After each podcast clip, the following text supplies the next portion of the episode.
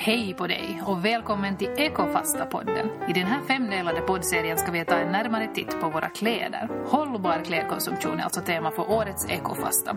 Hur ser det riktigt ut med din klädkonsumtion? Är ditt förhållande till kläder så hållbart som du skulle önska det? Eller finns det månne något område som kan förbättras? Jag heter Linn Ljung och jag tror att vi alla har svaga punkter i vår garderob. Tillsammans med olika experter ska jag ta reda på var det finns. I det första avsnittet träffar vi Hannes Bengs som tillsammans med sin bror driver två framgångsrika och hållbara klädföretag.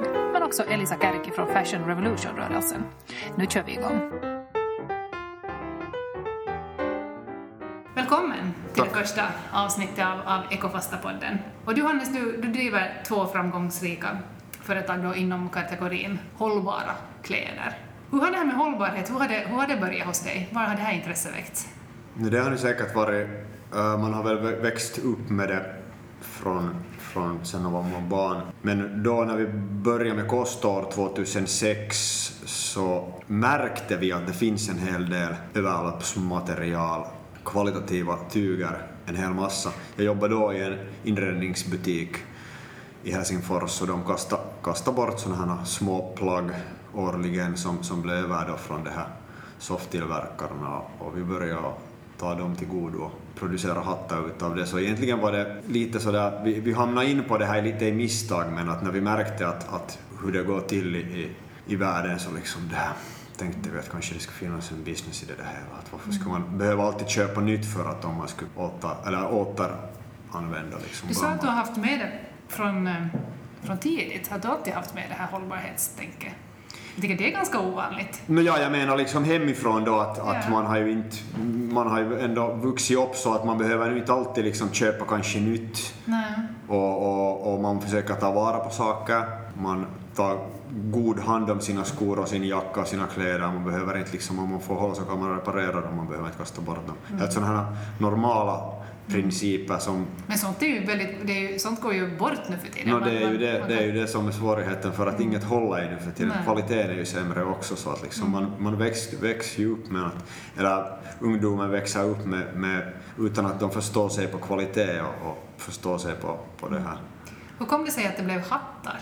Mm, no, hattar blev det på grund av att de där små uh, tygbitarna vi fick då så var tillräckligt små att de räckte bara till till hattar. Och min brorsa han hade, han hade studerat under tiden då så han hade kommit ut med några hattmodeller och, och det här. Vi tyckte om dem så vi började. Det var lätt Kan- att börja från det.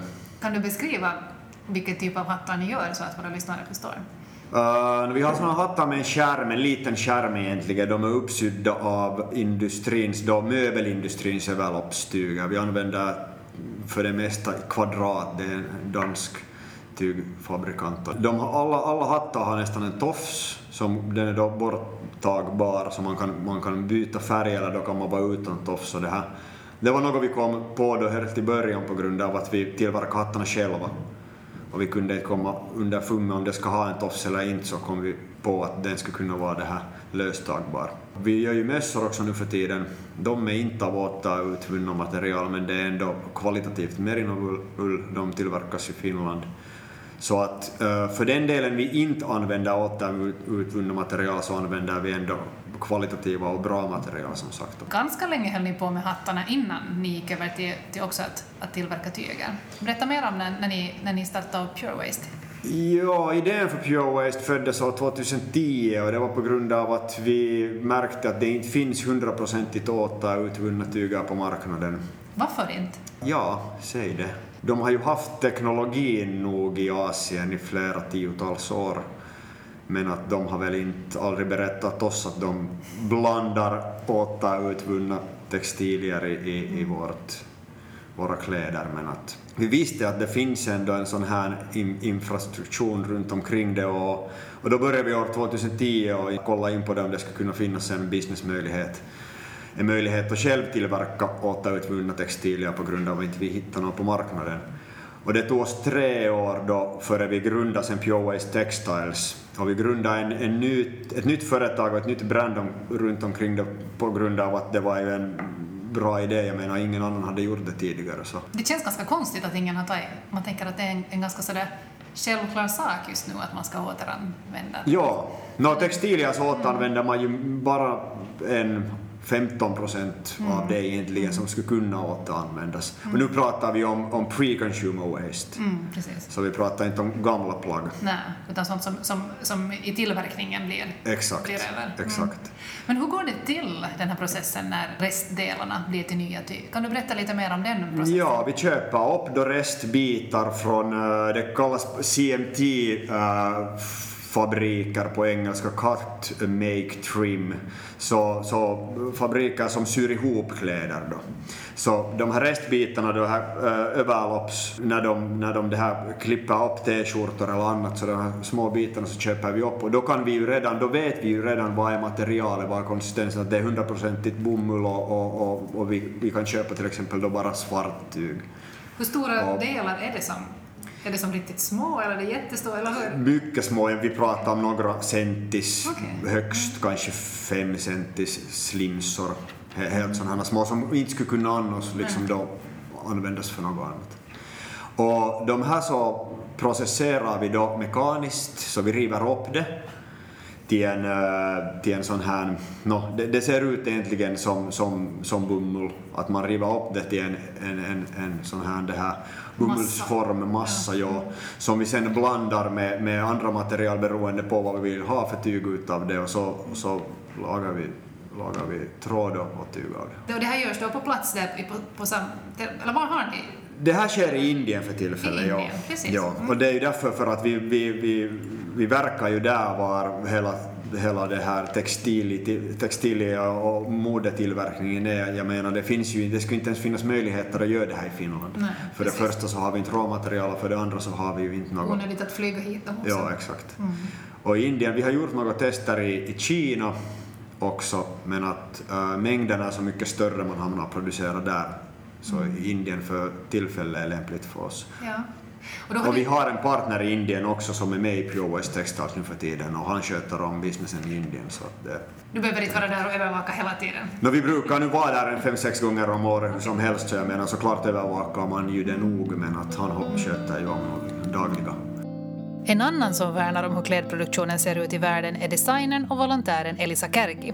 Hon är med och driver den finska kampen i den globala Fashion Revolution-rörelsen som varje år uppmanar till transparens, hållbarhet och etik inom modeindustrin.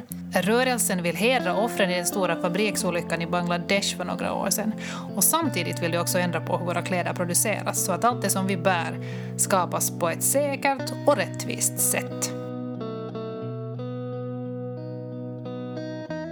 Olyckligtvis äh, Rana Plaza är inte någon enskilda äh, Nej, det har hänt det har många hänt saker. många Ja. saker före och efter men, äh, men det här var nu den största enskilda Mm. katastrofen. Bilderna därifrån var ganska... Jag minns dem med, med fasa. Det Ja. var fruktansvärda bilder. Ja. Från, det var, var det åtta våningar som, Ja, som rasade det ihop och det var flera tusen som ska, skadades i den här olyckan. Ja, och det är nog lite svårt att veta just Förstås, hur många exakt. Ja. och så. Man säger hur många blev utan föräldrar och allt sånt. Men, eh, men det är nog över 1130 som dog. Och då kände de att nu behöver, här- nu behöver den här frågan Ja. lyftas på bordet Ja. också internationellt. Ja. Att nu, ska, nu ska världen få veta vad som händer. Och då, då, jag tror att de började jobba genast och det tog nog ett år och det blev eh, redan det första året blev ganska stort. Och det var nog inte bara kampanjen som var stort. Hela uppmärksamhet över det här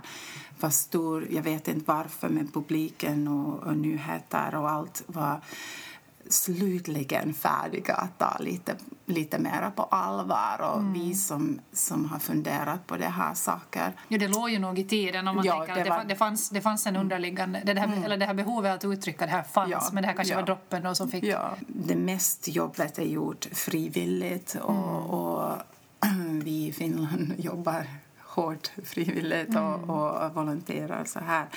Och det blev eh, redan kanske nästan 50 länder och nu har vi över 100 länder, så, länder som eh, tar eh, i det här. Under en vecka i april då, på årsdagen av den här olyckan som, som eh, folk ofta postar, postar en bild till exempel på sina byxor och, och, och samtidigt frågar att who made my clothes? Just det. Och det är i stort sett så som, det som kam- kampanjen går ut på, att man, man frågar av, av tillverkarna att Mm, vem gjorde de här Ja, kläderna? ja, och man vill få transparens, man vill Precis, få ja. veta mera för att förbättra det fabriken och, och allt som inte bara den är, de som syr på den. Och den, Nej, den utan hela kedjan. Hela, hela kedjan. Det som jag tycker är jätteuppmuntrande i kampanjen eller jätteviktigt är att man, man frågar just vem.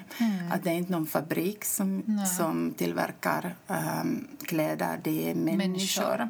När man pratar om klädernas väg så är det, det är många händer som, som tar hand om kläder. Ja, det tror man. man det- om man tänker från att den har varit till exempel en bo- bomullsplanta, att det är någon som har plockat dem där och att den görs någonstans till, först i ett tyg och sen så, så kanske den ändå kli, klipps någon Ja. annanstans och sen Ja. det är, liksom, det är ju så många, många moment som man inte tänker på. Men vad skulle du säga, på vilket sätt har Fashion Revolution-kampanjen förbättrat villkoren? Jag tror, man kan aldrig veta, men jag Förstås. tror att den här publiken som vi har och den här uppmuntran och det är den viktigaste. att Vi har kopplat ihop de som använder kläder och köper Mm. kläder med att, att fråga varumärken Mm. och sen kopplat ihop med det här att de är människor som gör Hur bra har kläder. varumärkena svarat på den här fr- frågan? Kring att Det, det är, blir bättre och bättre hela tiden, varje år. Första året då, eh, 14, det fanns kanske bara frågor. Sen nästa år blev det mycket mer frågor och då också några svar. Och sen men har de stora jättarna också, de här vanligaste kedjorna? Ja, Här, här i Finland till exempel, Stockman har eh, öppnat sina producenters eh, namn och, Okej. och adress och också S-kedjan. Men all synlighet som till exempel den här olyckan i Bangladesh, eh, vad man har förstått i efterhand och har läst i nyheterna så ser det ju ut som om vissa förhållanden har blivit lite bättre. Än Mm, det, finns det ett- det. det finns kanske starkare reglerat med barnarbetskraft och att kanske löner, det finns kanske mera fackförbund och sånt som, som övervakar. Eh, Ja, det, det blev dubbelt med lön. Ja. och, det, och, och då um, kämpar vi till um, en living wage, att man skulle kunna leva på det. Och, och det har varit den här accord, um, så, um, building and fire safety. Så det, var, det var nog det också, att, att det fanns så mycket brann och, och det finns så mycket brann. Det finns så mycket damm och elektricitet är inte så himla bra så det finns många brannar och, Ja. och sånt. Och, och det har förbättrats mycket. Var i världen skulle du säga att det, liksom, det, det ändå finns liksom mycket som man kan förbättra mycket? Jag tycker överallt riktigt. Men nu har vi växt i Afrika så det tror nog... Det, det är den här race to the bottom som vi säger på engelska. Att det, vi alltid försöker, eller varumärken försöker ha det bästa business och m- mest pengar och man får det när man, när man går någonstans som man får det, det Billigt. billigast. Ja. Och då är det inte, inte så säkert. Och inte så, Kambodja är nog ganska dåligt. Um, och man kan inte säga det, men, men också Finnwatch um, har gjort såna forskningar att, att i Ukraina har det varit ganska dåligt också. Så, så, det, Så det hjälper inte fast man håller sig inom Europa heller? Ja, just det. Och, och sen i, i Italien har man, har man jättedåliga Kan, man, kan den enskilda konsumenten påverka det här i, i längden? Det tror jag eh, säkert. Just med kampanjen och med kampanjen med andra eh, har vi mera makt och att man kopplar just det här varumärken och frågar och, och vill veta mera. Eh, det kan man göra, men, men det är nog varumärken som ska ändra saker också. Men det är också eh, i kampanjens sidan har de eh, nu ändrat den här konsumenten till medborgare. Att vi har nog alla andra roller än att köpa, att vara konsument. Vi är användare, Ja. vi, är, vi är mm, föräldrar kanske, vi är medborgare, vi, eh, vi kan rösta, vi kan vi kan tala om det här och, och då kan vi tillsammans som i kampanjen kan vi, kan vi få, eh, få eh, vår röst hörd. Hörd. Men det kanske det som inte människor förstår sig på att hur mycket det blir ändå överlapp, så hur mycket det blir spill också av de här normala tillverkningsskeden. Så det är ju ändå 15 procent kan man säga sådär överlag att det blir spill eller överlopps material av alla olika skeden. Men om man tänker på, på mm, de här vanliga stora kedjornas Mm. På deras eh, fabriker och så, där deras kläder sys upp och sådär. Förhållandena är ju, de är ju alltid så, så goda. Hur, eller hur kan man härifrån liksom veta att, att era produkter görs på bra? Hur När man att- väljer ju dem såklart så finns det olika certifikat som man ska för det första kolla på som garanterar ju det att, att företagen fungerar på ett visst sätt. För det andra så är det ju bra att gå själv dit och s- granska nu och då och stå på plats. Och, och i vårt, vår verksamhet så vi har ju en egen fabrik som är ägd av vår, vår delägare, den här indiska. Och det är en CMT-fabrik då, så där sys allt. Så vi vet ju allt som händer där. Och vi jobbar med lokala företag i, i samma trakt så det är ju också no, företagare och, och fab, fabriker vi känner till och vet. Så att på det sättet är det ju lätt för oss. Mm. Och alla när man pratar om Indien eller Bangladesh eller vad som helst så alla har ju genast den uppfattningen Ja. att allt, allt är på tok där men inte det är ju så. Men du har, du har också goda, goda erfarenheter. Jo, en hel massa såklart. Men om Ja. man tänker på, på klädindustrin så det generellt, var tror du att de största problemen finns? Uh, nu för tiden så mm, vi skulle vilja prata om kvalitet egentligen. Det, det, en, det finns ju problem i alla, alla tillverkningskedjan egentligen. Det börjar ju från det att när man odlar bomull och man odlar ju nu för tiden äh, sorter som, som växer snabbt och man får, mm, jag menar kvaliteten är dålig. Och det är ju därför för att man vill ju tillverka snabbt också, man, man har inte tid att vänta. Så egentligen allt börjar från det att man borde ju en- egentligen bara plantera sånt bomull som är oerhört bara prima. Och av det borde man laga hundraprocentiga bomullsprodukter. Efter det så skulle man kunna återanvända dem och, och, och mixa dem sen kanske med polyester eller något annat, annan slags material. Och problemet är också det att man tillverkar dålig kvalitet i, i. Jag menar man, man lagar tråd, så det finns ju olika sätt att laga. Det finns ett sätt att laga bra tråd och det finns ett sätt att laga dålig tråd. Och då fuskar man i det också så det betyder ju att kvaliteten på själva tyget blir dåligt så det krymper eller det börjar att Men det vet man ju twista. att man, Ja, de, fler, alltså de flesta kläderna lägger man ju bort på grund av att de är noppiga eller de tappar Exakt. formen eller det. exakt. Och det här är ett, ett, en sak som man borde egentligen då att man, man tillverkar bara prima, prima tyg och, och, och, och, och tråd. Men det känns ju som vi som är ganska så. långt ifrån en sån verklighet. man fuskar i alla skeden egentligen. Mm, och för att komma billigare För att komma undan. billigare undan. Och så fuskar man ju också i det etiska att man, man be- be- betalar, Betalar. Mm. betalar för lite åt, åt de här människorna som syr ihop dem. Så man skulle egentligen tänka på det hela, att man skulle inte tänka bara på det att hur, hur vi skulle kunna få aktieägarnas plånböcker det här fetare så skulle man ju kanske ligga på ett bättre basis. Skulle jag säga.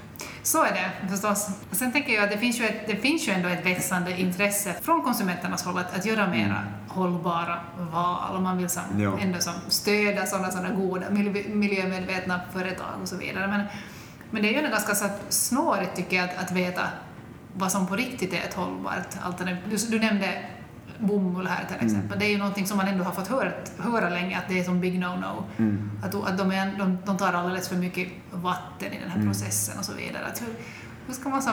De tar ju en hel massa vatten om man till exempel tar andra organiska växter som man skulle kunna egentligen producera tyg av så, så bomull är ju inte, det är ju kanske den, den, den som kräver just mest vatten men att om man skulle koncentrera sig och producera bara prima kvalitet så då skulle det inte vara ett problem egentligen.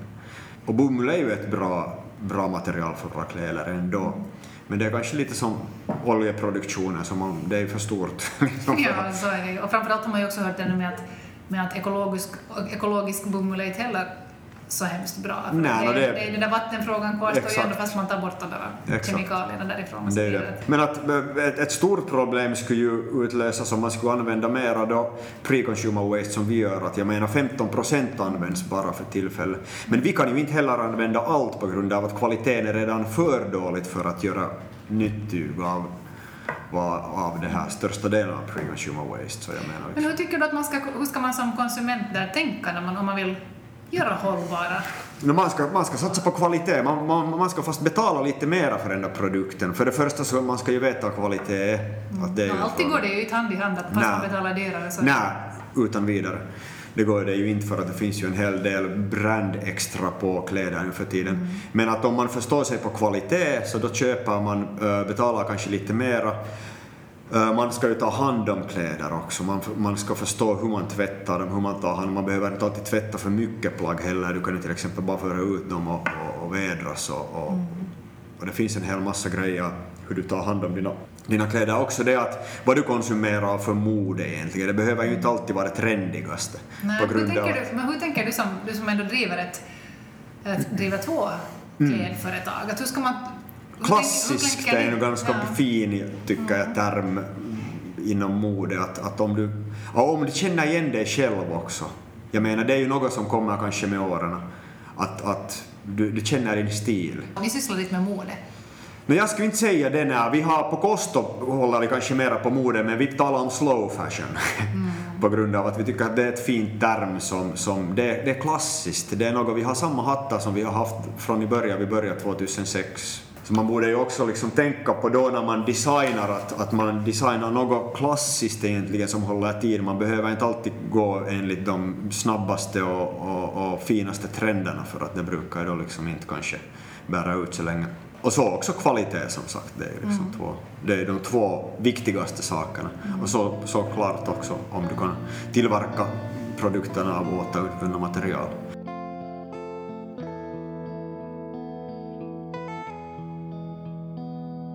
Det finns ju en hel del, det finns ju också kläder som man inte behöver kanske, som inte går heller att använda i tio år, som en t-skjorta säger vi. Mm. Kanske. Inte liksom, Men vad är, rimlig, vad är en rimlig livslängd på en t-skjorta? På en t-skjorta? Ja. mina, mina bästa t-skjortor som jag har ägt så har jag haft i en fem år kanske åtminstone. Mm. Och jag har använt dem ganska mycket. Mm. Och det vet man ju att för en vanlig kedja så håller det 25 år. Nej. Inte, för, inte passformen i alla fall. Exakt. Någon söm som sprätter. Ja, och man måste ju ha såklart en t-skjorta för varje dag kanske för en vecka eller så att du kan ju inte heller liksom tänka dig att en t-skjorta håller i fem år om man använder den varje dag. Men att nu har jag egentligen mina bästa jeans så använde jag mer eller mindre i nio månader i sträck före de började vara i det skicket att de var liksom äh, bekväma att ha på foten. Man behöver gå in dem. Man behöver gå in, ja exakt. Och det, det beror ju helt på hur du Vilka är de bästa materialen? Om man tänker på, på sådana här vardagskläder som man kan Vad ska man satsa på för material? Jag tycker själv satsa på organiskt Fast det är ju, jag menar, det är ju inte alltid det hållbaraste. Speciellt för sådana material för, som är mot hyn, mm. då underskjortor och om det finns en liten mängd polyester i det så det gör ju inte heller något illa. Men att liksom man vill ju inte ändå ha hundraprocentigt polyester för att då börjar man och det här svettas kanske en hel del. Bomull är ganska bra. Jag skulle kanske vilja mera se att vi ska använda nässlor och, och hampa. Det är ju ganska bra också som material. Nässlor, det var ett, det var ett nytt lin och hampa ja, och sånt. Hampa, har man ju hört ja. om, men nässlor? Nässlor, ja. ja det, det tillverkas inte så mycket, men det är också en det är kanske lite hårdare, no, den jag inte vet om det är på kommande, men man skulle hoppas att det... Långt Ja. Men att det, det är kanske lite hårdare material, så det, det skulle kanske vara bättre för sådana här, jag menar byxor eller jackor eller något mm. annat, men kanske inte helt t-skjortor ännu. Men, men du... lin, lin är bra som du sa, och det är ju skönt mot hyn. Ja. Om du tänker på, på, om du tittar lite framåt nu, mm. vad tror du att, hur, hur tror du att vår, vår klädkonsumtion kommer att se ut om tio år? Tror du att det kommer att förändras någonting? No, jag hoppas verkligen på det. Konsumenterna har ju en hel del att göra med det såklart, att man måste ju, man måste ju konsumera på ett sådant sätt att, att det här det är hållbart. Jag skulle, jag skulle vilja egentligen säga att, att vi skulle, det som vi håller på med, att vi skulle kunna också återutvinna uh, våra gamla textilier till nya textilier. Egentligen. Det här är ju ett problem som vi inte ännu ha, löst, ha löst mm. på något sätt. Det är något som vi håller på med hela tiden. det är på gång? Det är på gång åt den riktningen, ja. Exakt. Och det här, man skulle ju på något sätt också vilja se att det skulle finnas någon slags äh, lag för det här att om du producerar dålig kvalitet i en stor mängd så då syns det i pris. Mm. Det, det, det, det skulle inte få vara billigt utan då måste man betala för det. Att man, ja, exakt. Mm. Och om man, om man producerar ekologiskt och, och hållbart och bra så då skulle, det liksom, då skulle man kanske få det det är ju som helt på no omvända proportioner. Omvända proportioner, ja men att då skulle på något sätt att man skulle se det kanske i, i, i, i, priset. Mm. Inte vet jag, liksom, kan man komma emot på på ett globalt sätt på något slags göra några regler för det här. Men att... Mm. Det känns ju väldigt svårt att hitta något så här juri, mm. juri, juridiska... Jag tror att det är omöjligt ja, också. Men det, här, det är något man men hoppas drömma, på. drömma får man alltid. På något sätt så känner man ju ändå att det är från konsumenterna mm. ändå som det här Exakt. betyder, eller det där, där hoppet finns. Det hoppet finns, ja. ja. Och i och med att vi skulle kunna börja och, och, använda våra gamla textilier och producera nytt tyg av det så skulle man ju hoppas på att det skulle finnas också någon slags lösning för det här att hur man äh, tar till godo de här gamla textilierna. Som sagt att nu när vi får flaskor, plast eller glasflaskor eller metall, okej okay, metall får vi inte betalt för men att det är ju ändå en, en råvara som betalas mm. för. Och, och, och allt det här så återutvinner vi ju ganska fint i Finland åtminstone. Mm. Men det finns ingen sådär på det viset tydlig kläd, klädinsamling på samma sätt Nä. som det finns för de här vardagliga? Nej, det finns inte. Och det finns inte kanske på grund av det att det inte går ännu att ta till godo på Nej. något sätt. Men det är ganska svårt när det är många material som ja, ska... exakt. Mm. Men i, fort, i, i framtiden skulle man ju hoppas på att det skulle finnas en lösning för det här, hur man skulle kunna lösa ut det. Och, och i och med det så skulle man kanske... Ja, och i och med det så skulle man kanske också då liksom återutvinna gamla textilier. Ja. Vad tänker du kring sådana större, större klädkedjor? Mm. Var tycker du att de borde ta mera ansvar? För att det hänger ju som sagt heller bara på konsumenten. Nej, det, det, det, är också, det finns ju nog också större krafter som skulle kunna påverka det. Vad tänker du?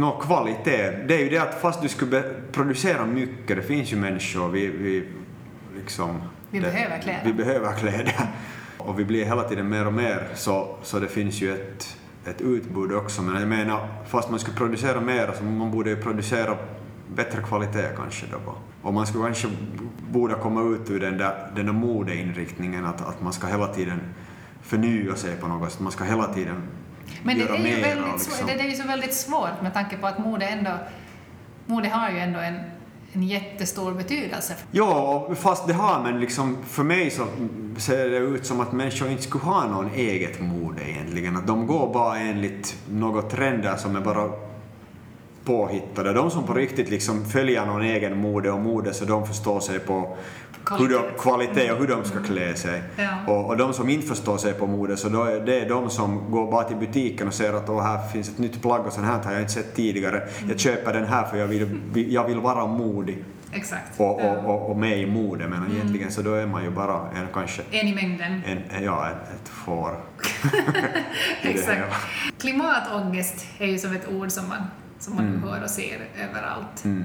Känns det bättre för dig att du ändå är med och bidrar på till, en, liksom, ändå till, till ett mer hållbart samhälle? Eller? Jo, nu känns det ju bättre såklart. Eller drabbas nu, du också av Nu drabbas man ju hela tiden för man, man tar ju reda på saker, man vet ju hur det är och hur det går till. Så nu, ja, du har ju en stor insyn i textilbranschen och i, i produktion. Men att nu har jag ju gjort en egen, eh, en själv också mera inte nu kynisk, men att liksom sån här... Men känner du att det finns ändå en, det finns ändå en, en bättre framtid, eller känns det som det är alldeles hopplöst?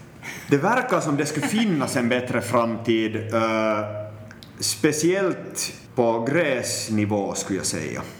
Och det, finns, det verkar också som det skulle finnas en bättre framtid i hela, i, i hela industrin. Men rent sagt så tror jag inte att det kommer att går så snabbt framåt ändå. Baby steps. Baby steps. Inom de senaste 18 åren så har äh, modekonsumtionen vuxit med 60 procent. Det är otroligt.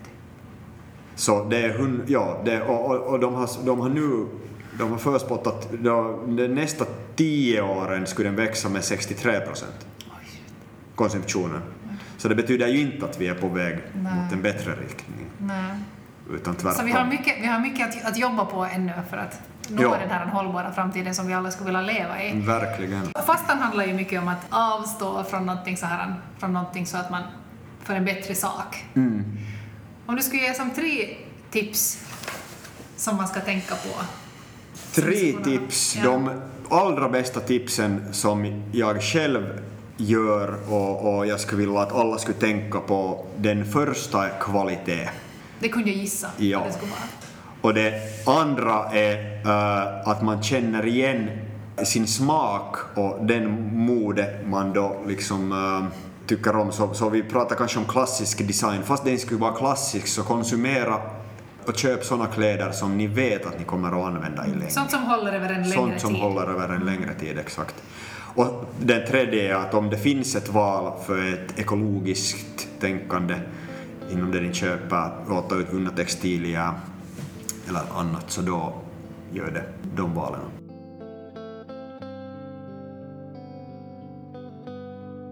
Det finns många saker som man kan göra utan att köpa någonting och ge den makten som vi har Ja. till någon annan eller, eller fråga efter någon annan. Så om du kunde eh, ändra saker. Vi kan redan ändra saker.